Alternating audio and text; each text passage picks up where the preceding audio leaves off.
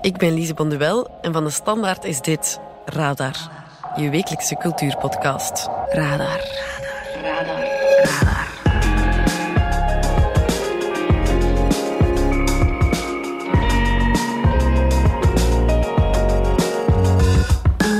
Wat krijg je als je de regisseur van een bejubelde reeks als Euphoria, de dochter van Johnny Depp en Vanessa Paradis en een straffe artiest als The Weeknd samenzet?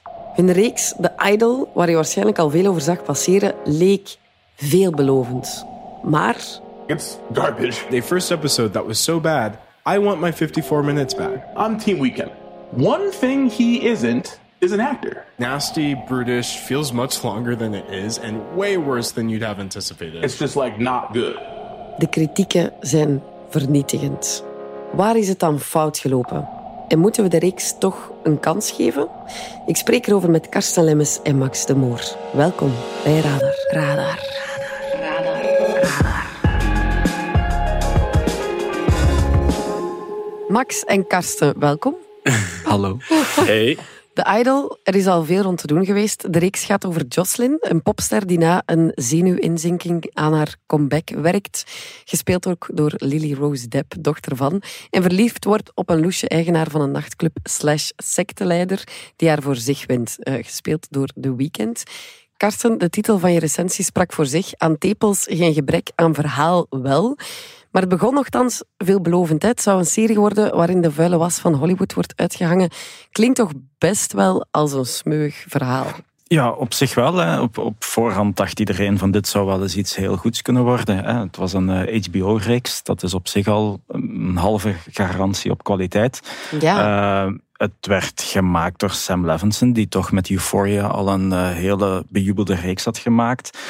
The Weeknd zou erin meedoen, wat op zich al interessant zou kunnen zijn. Zeker. Uh, Lily Rose Depp, de dochter van Johnny Depp en Vanessa Paradis, speelt er de hoofdrol in. Dus ja, heel veel elementen waarvan je zou kunnen denken, dit kan iets worden. Topcast. Ja. En dan toch, na het kijken nu van de derde aflevering bijvoorbeeld, wilde je zelfs die ene ster die je gaf al terug afnemen. Ja, ik, ik had de eerste, eerste aflevering bekeken. Ik had het één ster op vijf gegeven. En nu we drie afleveringen ver zijn, zou ik denken dat nul sterren op vijf misschien beter was geweest. Ja, absoluut. Ik vind, het, ik, ik vind het echt garbage. Ja, ik vind het echt niet goed. Max, jij denkt er hetzelfde over. Hè? Jou deed het denken aan een bende studenten die hun idolen proberen na te bootsen, maar niet de maturiteit hebben om daarin te slagen. Ja, exact. Je ziet duidelijk wie hun grote voorbeelden zijn. En het is nogal puberaal in de zin van we gaan dwepen met de leegte van Hollywood, seks, drugs en veel nihilisme. Maar ze slagen er niet in om daar iets origineels mee te doen. Echt een gemiste kans. Maar er was veel potentieel. Waar is het dan misgelopen? De reeks zegt een soort satire te willen zijn op Hollywood en de popindustrie in, Ja. in LA. Ze, ze willen onder meer de hyperseksualisering van vrouwen eh, Ja. in die sector aankaarten. Maar door dat te doen zwelgen er, ze er zelf eigenlijk in. Ze maken zich schuldig aan hetgene dat ze zeggen te bekritiseren. Dus Lily Rose Depp, die Jocelyn speelt, die loopt continu halfnaakt Ja, rond van de in eerste beeld. minuut van de eerste al, minuut. Die Tepels. tepels komen in beeld en die gaan niet meer uit beeld. dat je afvraagt, moet dat nu echt? Om de tien minuten is er wel een seksscène waarin zij altijd de onderdanige is. En het is de male gaze die daar speelt. Het is, zij wordt neergezet als zo'n gewillig popprinsesje. Zo. Ja. Ehm, en ze gaan daar zo ver in, ze zwelgen daar zo hard in, dat je niet meer kan zeggen dit is satire Ja. zou zijn. Het is een goedkoop excuus. Ja, het is een goedkoop excuus. Nochtans had het wel anders kunnen lopen. Uh, eerst was er een vrouwelijke regisseur voor de reeks ingehuurd, Amy Ja. Siemens. En zij heeft een reeks gemaakt over callgirls. Uh, zij was dus regisseur. Ze hadden al verschillende scènes gefilmd. Maar The Weeknd, die ook producer is, die zou het blijkbaar een te vrouwelijke blik hebben gevonden uh, op het script. Mhm. En dus werd zij aan de kant geschoven. Dan hebben ze Sam Levinson, die ook producer en schrijver was, aan boord gehaald als regisseur. Dan is het helemaal gedraaid. Dan hebben ze heel de scènes opnieuw moeten opnemen. Lange draaidagen, veel meer uh, seks, naakt. En die verhalen die kwamen dan in Rolling Stone, uh, in het blad, waar dat eigenlijk geklaagd werd door mensen, door ja, ongenoemde bronnen achter de schermen van de reeks. Die zeiden, ja. ja, de sfeer is daar helemaal omgedraaid. Wat we wilden bekritiseren is inderdaad geworden wat we aan het maken waren. Niemand had er nog plezier in. Dus een vrij vernietigend portret. Ja. Maar tegelijk heeft dan dat exposé in Rolling Stone ook wel de hype weer verder aangezwengeld. Omdat iedereen wilde weten, ja, gaat het dan echt zo extreem zijn? Of gaat het dan echt zo slecht zijn? En het antwoord op beide, ja, beide vragen is dus ja. Maar ja, waar mensen niet op hadden gerekend, was denk ik dat het ook effectief zo slecht zou zijn. Ja, want eh, de kritiek is inderdaad niet per se dat de serie provoceert, wel dat ze gewoon slecht is. En wat ik mij ook afvroeg was, waar is ook het mannelijke naakt? Ja, dat is ver te zoeken natuurlijk. Hè. Dat is die male gaze die over de hele serie hangt. Hè. Het mannelijk naakt is nergens te zien. Van een feministisch script is het volledig omgeslaan. Ja, Inderdaad. En provoceren, ik vind dat altijd zo een, een makkelijke excuus wanneer er kritiek komt op een reeks. Dat je zegt, ja, maar uh, we wisten dat we iets provocatiefs aan het maken zijn. Daarmee zeg je eigenlijk van, ja, de critici zijn broodse mensen die uh, de shock niet aankunnen. Maar dat is niet waar. Dus, ik denk dat niemand gechoqueerd is door wat je hier ziet. Want allee, komt, het is 2023. Ik denk dat op internet veel chockerender zaken te zien zijn dan wat je hier op het scherm ziet. Op welke site zit jij juist? Um, van horen zeggen. van horen zeggen. Ik ga alleen naar de standaard.be. dus ja, chockeren doet dat niet. Maar het is gewoon niet goed. Ja, de dialogen sprankelen niet. The Weeknd, uh, we gaan het er nog wel over hebben, is geen goede acteur. En ook Allee. qua regie uh, gaat het alle kanten uit. Eigenlijk onbegrijpelijk uh, dat Sam Levinson, die inderdaad met Euphoria heeft laten zien ja, dat hij echt wel, wel iets kan. Een hit heeft gemaakt. Ja, hier totaal geen toon kan aanhouden. Daar zullen we het waarschijnlijk ook nog over hebben. Ik denk dat dat, dat vooral inderdaad de ontsteltenis is bij alle kijkers. Ja, want The Weeknd, de meeste mensen kennen hem als de zanger van nummers als onder andere Starboy.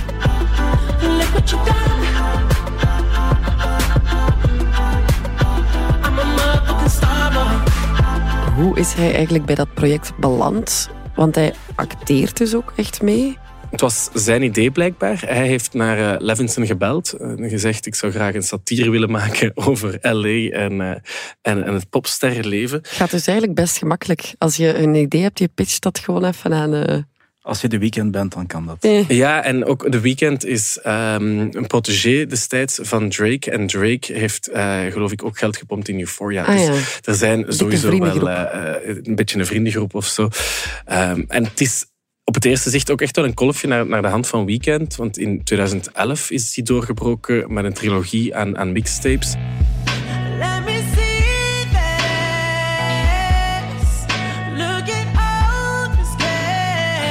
Over ja, de onderkant uh, van het nachtleven. Het ging over seks, drugs en modellenneuken, maar niet op die manier waar dat, dat we gewoon zijn van rappers, waar dat ze zichzelf eigenlijk opblazen, de coolste van de hoop maken. Het, ging, het was meer een soort grauw portret daarvan, vol zelfhaat en verslaving. Tegelijk zit er in zijn songs ook veel verleiding. En dan die tegenstellingen maakt dat het wel heel interessante muziek is. En hij heeft wel ook blijven spelen daarmee. Want later ja, dan is hij een mainstream popster geworden. Maar hij is wel gewoon blijven zingen over drugs, zoals in Can't Feel My Face. Zijn doorbraak hit bij de mainstream Daarin zingt hij over een vrouw, maar die vrouw is gewoon een metafoor voor cocaïne. Ik kan mijn gezicht niet voelen. Ja, dat is omdat hij stijf staat van de coke. Mm -hmm. we hebben dan uh, Take My Breath van het laatste album. Dat is een nummer ja, over erotische asphyxiatie. Een heel chique term voor wurgseks. Je, moet het, je moet de tekst er maar gewoon bij halen. Het is niet dat hij het zo erg uh, verstopt. Take my breath.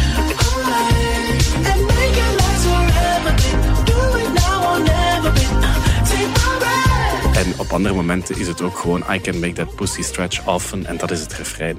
Dus dat is de persona van The Weeknd. Hij zegt ook altijd, dat is belangrijk, hij zegt altijd dit is een persona, dit is niet wie ik ben.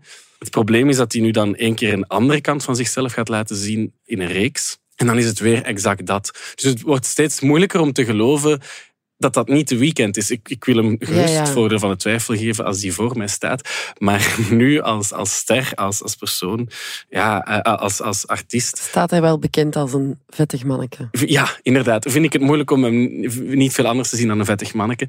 En ik denk ook het verschil met zijn muziekcarrière is als, als muzikant of als artiest moet je vooral iets kunnen evoceren of oproepen. En dat kan die heel goed als The Weeknd. Een soort gruizig, vunzig sfeertje en daar dan catchy nummers rondmaken.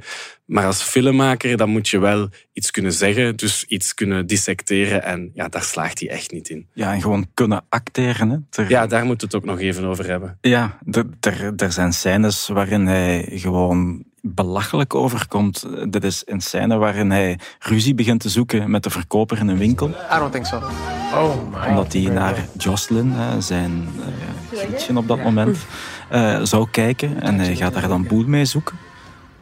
Let me catch you looking at her again.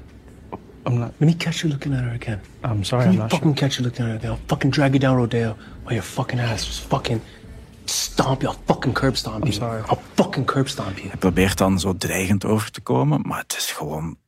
Het is grappig, maar Ja, het is die niet grappig gaat nu viraal op Twitter. Het is ongelooflijk. Het is zo slecht geacteerd. Ik vond hem wel in aflevering 1 nog best meevallen. Voor een niet-acteur. Nu moet ik opletten wat ik zeg. voor een niet-acteur, daar ehm, zeg je Ja, voor een niet-acteur. Hadden ze nu een andere acteur in die rol gecast, een goede acteur, dat had al een wereld van verschil geweest. Ja, had dat Ja, de serie absoluut. beter gemaakt? Want misschien ligt het ook aan de teksten die hij moet brengen. Of het personage dat niet, niet helemaal is Er zijn heel knullige dialogen. Ja, eh, die gewoon slecht geschreven zijn. Er zijn van die verleidelijke dialogen die echt gewoon stupide zijn. Geef eens een Ehm, voorbeeld. en je beste acteerskills ook bovenhalen, hè, Ja, maar ja, er zijn, gewoon, er zijn gewoon platvloerse teksten die dan zo gezegd sensueel moeten zijn. Op een gegeven moment eh, zegt hij iets van... eh, nu moet je mij zo hard pijpen dat je bijna stikt. Of eh, stretch that tight little pussy for me. Ja, kom, eh, dat is nu niet het beste writing dat ik al eh, in een erotische scène heb gezien. Dat Ja. is eh, Pornhub-stuff dat je daar... allee, dat is iets wat... Dat zijn de sites waar je op zit. na- waar naar verluid die dingen op te, op te zien zijn. Maar dat doet me denken aan, aan, aan tienertalk. Ja, aan ja. tienertalk, aan tienerjongetjes die nog nooit seks hebben gehad. Die praten over seks en stoer willen praten over seks.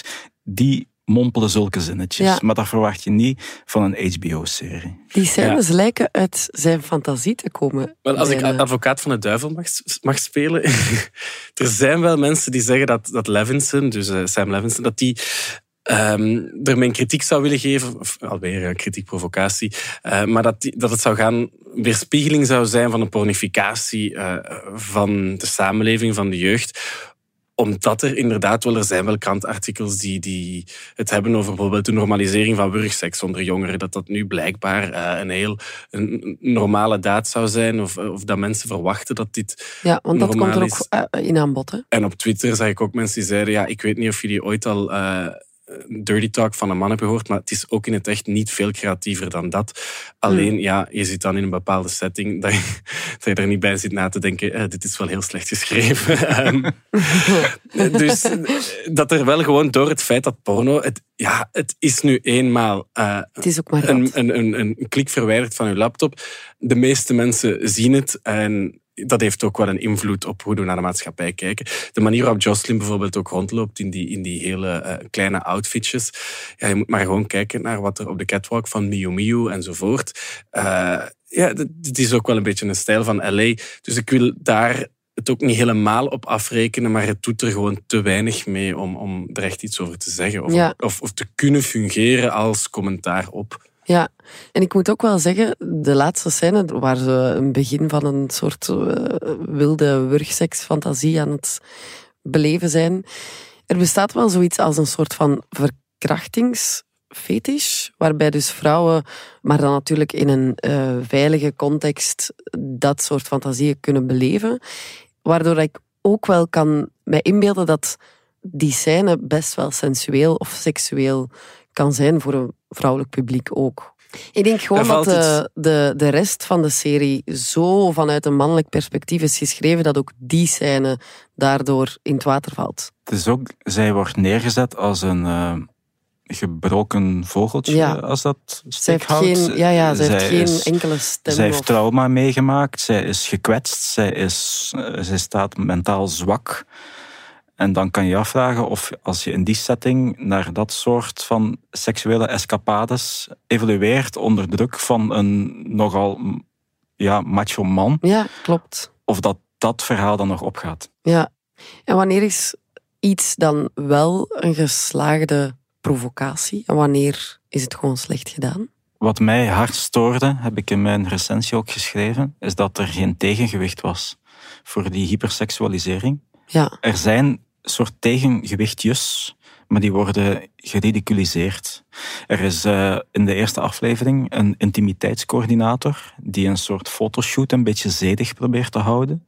En die wordt letterlijk opgesloten in het toilet. Ja. Als een soort vervelende mug die je even plat klopt wanneer je komt zeuren. Dus al de tegengewichten eh, zijn zwakke personages. En dat Ja. stoort me heel erg. Er zijn geen sterke tegengewichten. Ja. Ik denk ook wel dat dat een beetje de bedoeling was van de makers, als ze willen zeggen, kijk, in een industrie die zo verdorven is als Hollywood, is tegengewicht bij voorbaat verloren of ben je bij voorbaat een, een die niet kan opboksen tegen al die belangen die er zijn van eh, ja, de nieuwe single en de nieuwe tour enzovoort. Dat, want dat is ook een belangrijk deel van de reeks. je hebt aan de ene kant eh, eh, het personage Jocelyn die in, de bannen geraakt van die figuur van eh, Ted Ross van Weekend. En langs de andere kant is er heel haar entourage die haar probeert terug op... On track te krijgen. terug ja, on track te krijgen, om haar comeback te maken als muzikant, nieuwe single enzovoort. Maar zij die daar duidelijk eigenlijk nog niet, die nog in een vol rouwproces zit na het overlijden van haar moeder, die daar dus nog niet voor klaar is.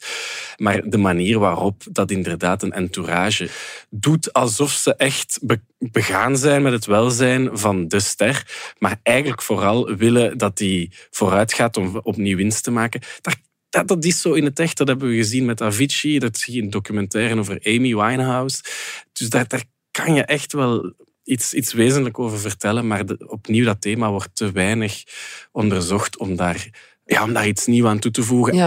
Zijn er dan voorbeelden van provocaties die wel goed gelopen zijn? Ik heb in een reeks veel dingen gezien waar ik denk dat ze aan refereren. eh, geslaagde provocaties. Op een gegeven moment kijken ze de personages letterlijk naar Basic Instinct. Eh Paul Verhoeven, Nederlandse filmmaker, eh, een beetje gevreesd in Hollywood. Wel een man die erin slaagt om tegen de schenen te stampen, maar op een manier dat zijn films niet omvervallen. Eh, ik denk bijvoorbeeld ook aan Elle, eh, een van zijn meest recente films, waar Isabelle Huppert eh, een vrouw speelt die verkracht wordt en vervolgens die verkrachter opnieuw opzoekt om, om er seks mee te hebben. Ja, dat is een verwerpelijk standpunt. Die vrouw is ook helemaal niet sympathiek, maar dat is wel een geweldig goede film. Ja. Eh, omdat die kiest voor een toon, die houdt daaraan vast en die laat u zeer ongemakkelijk achter met heel wat vragen. ja. Een andere filmmaker, En de weekend haalt hij ook aan als voorbeeld voor een reeks. Hè? The Weeknd haalt hij expliciet aan, maar opnieuw, dat is een beetje dat de filmstudent die niet kan tippen aan zijn, aan zijn voorbeeld. Ja. Wat ik mij ook nog afvroeg, is, eh, zit er ook muziek van de weekend in? Ja, en dat maakt het nog ja, bevreemdender soms en een beetje ongemakkelijk. Eh, er zijn heel wat seksscènes waarin muziek van The Weeknd wordt afgespeeld. Dus je ziet dan eigenlijk een seksscène van The Weeknd met daarop muziek van The Weeknd. En dat is, Het is een videoclip van de weekend het is toch eigenlijk, een beetje, een beetje raar, toch wel. Ja, Ja. het is een- En The Weeknd te veel eraan dan. Want ik ben wel fan van zijn muziek. Ja, Eh, ik ook. En, en, en World Class Sinner, de nieuwe, de nieuwe single van Jocelyn in de reeks, begint bij mij al een soort guilty pleasure te worden. I'm just a freak, yeah. You know I want it bad. Eh, jullie hebben nu de eerste drie afleveringen gezien. Die staan nu online. Gaan jullie überhaupt nog kijken? Ik Zien wel. jullie dat nog zitten, ja? Ja, ik, ben- ik, ik ben ondertussen wel op het So Bad It's Good pad beland. Eh, heb Ja, het is zo'n beetje als een goederentrein die ontspoord is. En je staat daar naar te kijken, je kan niet wegkijken. Dat is duidelijk. Max en Karsten, enorm bedankt. Dankjewel. En ik heb hier nog een extra cultuurtip voor jou. Radar. De tip komt deze week van... Doreen Hendricks. Wat is jouw tip? Mijn tip is eh, Vergeet me niet van Alison Derrick. En waarom? Het Het is een prachtig young adult boek over de relatie tussen twee meisjes, waarvan één van de twee compleet vergeten is eh, dat ze een relatie hadden. En je leest dus mee met de persoon die haar geheugen kwijt is en die in een omgeving die niet zo vriendelijk is voor queer mensen eigenlijk probeert om ja, haar leven terug op te pikken, terwijl dat ze de laatste twee jaar van haar geheugen volledig kwijt is.